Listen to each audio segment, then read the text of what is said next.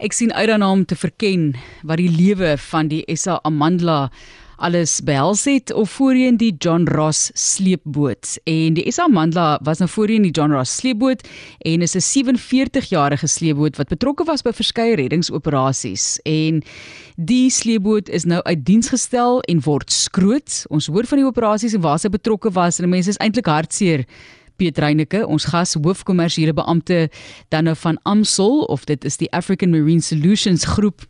Dit maak my nogal hartseer mense reg so half menslikheid, personifikasie wil ek eintlik sê aan hierdie sleepboot. Maar dit maar die jare daar, ek sien ek is dieselfde ouderdom as hy en ek ek, ek is nog ver van herwinning myself af. So dit is 'n baie lang geskiedenis wat ons het met die boot. Vertel ons van daai geskiedenis, ons kan trots wees want sy is gebou in Suid-Afrika soos ek verstaan. Dis reg ja, die destyds was dit John Ross geweest. Sy was ontwerp in 1973, so amper al 50 jaar terug. En haar konstruksie het begin in Durban en ek dink 1974 en teen 1976 is sy voltooi, so omtrent 2,5 jaar bouperiode gedurende daai tyd het ons ook 'n susterskip gehad gebou die Wolraad Woltemade en sy was in Skotland gebou oor dieselfde tyd. Nou 47 jaar, nee, dis 'n lang tyd. Is dit gemiddeld vir iets soos 'n sleepboot of kan 'n mens 'n korter of langer lewensduur van hulle verwag want soos ek verstaan gaan sy ook nou skroot toe in Indië. Dis reg, ja.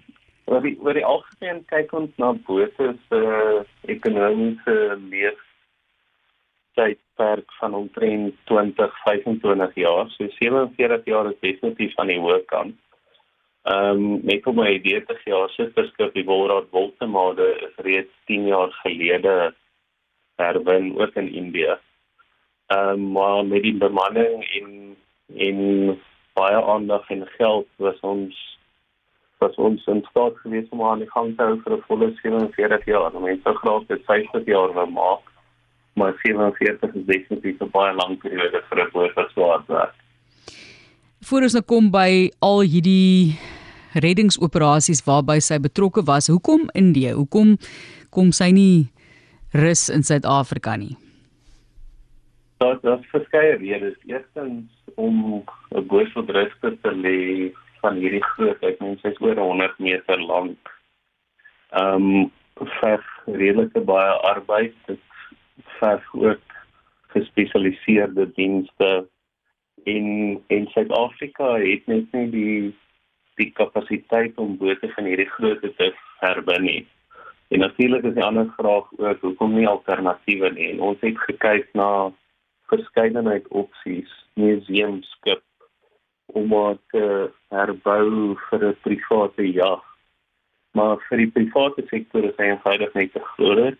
Ehm um, sy rol ook redelik baie want sy het gebou vir krag en spoed. So om 'n uh, om 'n myl mylpaal hardloper te omskep en iets vir vir liefheid is 'n bietjie moeilik. So uh, ongelukkig is daar net nie genoeg geld om haar hier te hou as 'n museumskip nie. Ek kan dink al grootte en al operasionele koste sal dit net heeltemal onekonomies maak maak vir so 'n geval. Ons gesels oor die SA Amandla voorheen die John Ross soos hy bekend gestaan het en dis die 47-jarige sleepboot van Suid-Afrika hier gebou en word nou skroot. So hier kom die groot storie vertel nou Piet asseblief Piet Reyneke is die hoofkommersiële beampte van Amsol, die African Marine Solutions groep.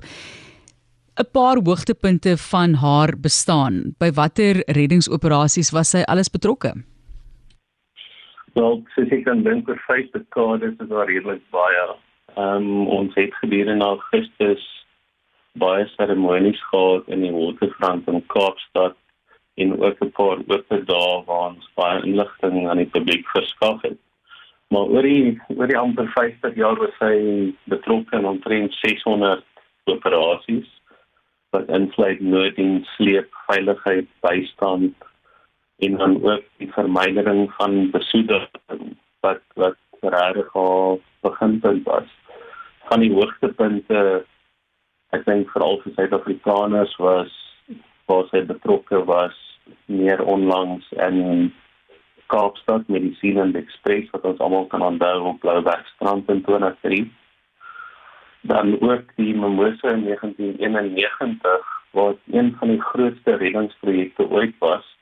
En daar was ook op daai tyd 'n rekordoorplasing van olie om besoedeling te vermy 'n nuwe wêreldrekord opgestel met haar. En sy was self so vroeg as in 1987 betrokke by die soektog na die Helderberg. So daar's regtig so 'n groot verskeidenheid van projekte en hierdie is van net 'n paar van die hoogtepunte deur al die tyd. Jou eie persoonlike ervaring met die SA Amandla? Was jy self by haar betrokke enigsins? Nee, ek is nou omtrent 18 jaar by die maatskappy. Ehm um, in my kommersiële posisie kom ek uit 'n finansiële agtergrond, eintlik gebore in Bloemfontein, so ek het bitter min geweet van skepe voordat ek in Kaapstad aangekom het 20 jaar terug. Myself op skool het ek geleer van die SA Amandla en die John Ross en die Wolraad Wolkemade destyds as die sterkste en grootste sleepbote in die wêreld. Ons kan baie trots wees op daai ingenieurswese wat betrokke was met die bouproses. Net weet was daar enige oomblikke waar sy in die moeilikheid geraak het of waar dinge so so bietjie, jy weet, kyk, ons het nou 'n aaklige geval gehad hierso um, in Suid-Afrika weens moeilike seeomstandighede, mense wat hulle lewe verloor het in die vloot, maar gee vir ons 'n idee van waar dinge bietjie skeef geloop het.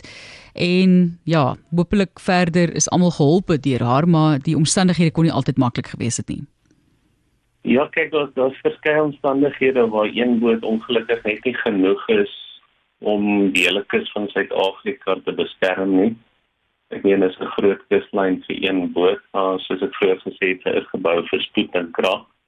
En ons is baie gelukkig dat ons ook as omsou verskeie ander bote om die kuslyn het. En ons het al telke male tot 3 van ons bote na verskillende nooddienste uitgestuur. So in terme van waar sy op haar kapasiteit was of aan die moeilikheid was, sy sy regtig die groot betroubare dame van die see. So sy sy het nog nooit onsuksesvol enigiets teëgekom nie. Sy sy is regtig net een van daai uitsonderlike skepe in die geskiedenis van die land.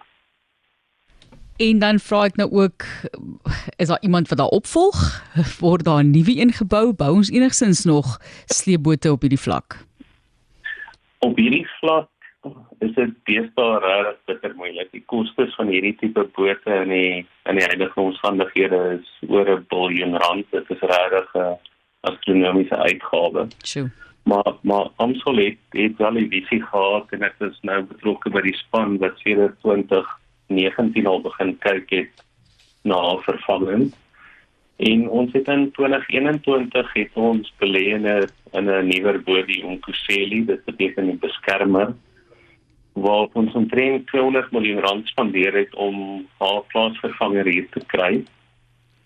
En die Onkuseli het regtig aan ons aan ons behoeftes voorsien vandat sy hier is. Sy het offisieel oorgeneem as die nasionale seereddingsboot vir die nasionale departement van vervoer van April verlede jaar.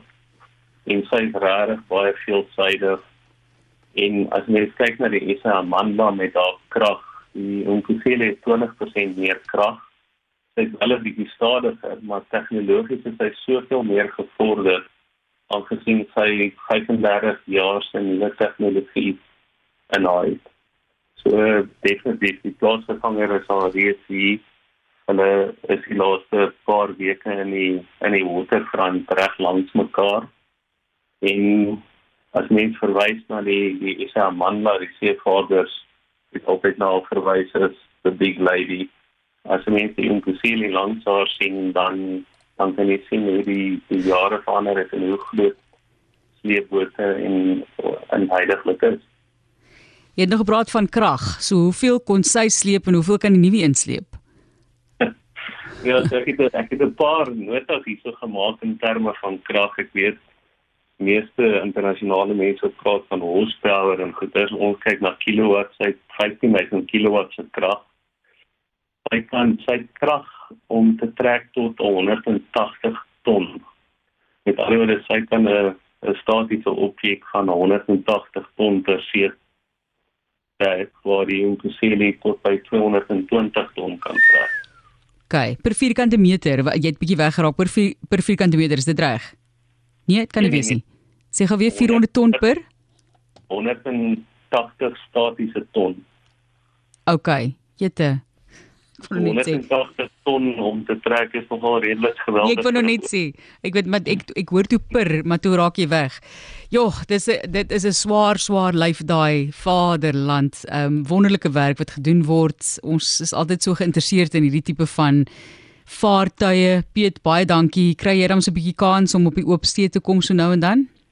Ja, ons is gelukkig genoeg. Ons het verlede maand uitgegaan op ons in die baai so So ons ons kom daarom gereeld op ons skeep, ons probeer by ons bemanning kom, dit is regtig mense wat die maatskappy aan die gang hou en as jy hart van die besigheid so wanneer ons die geleentheid kry om op 'n boot te kom, dan doen ons so.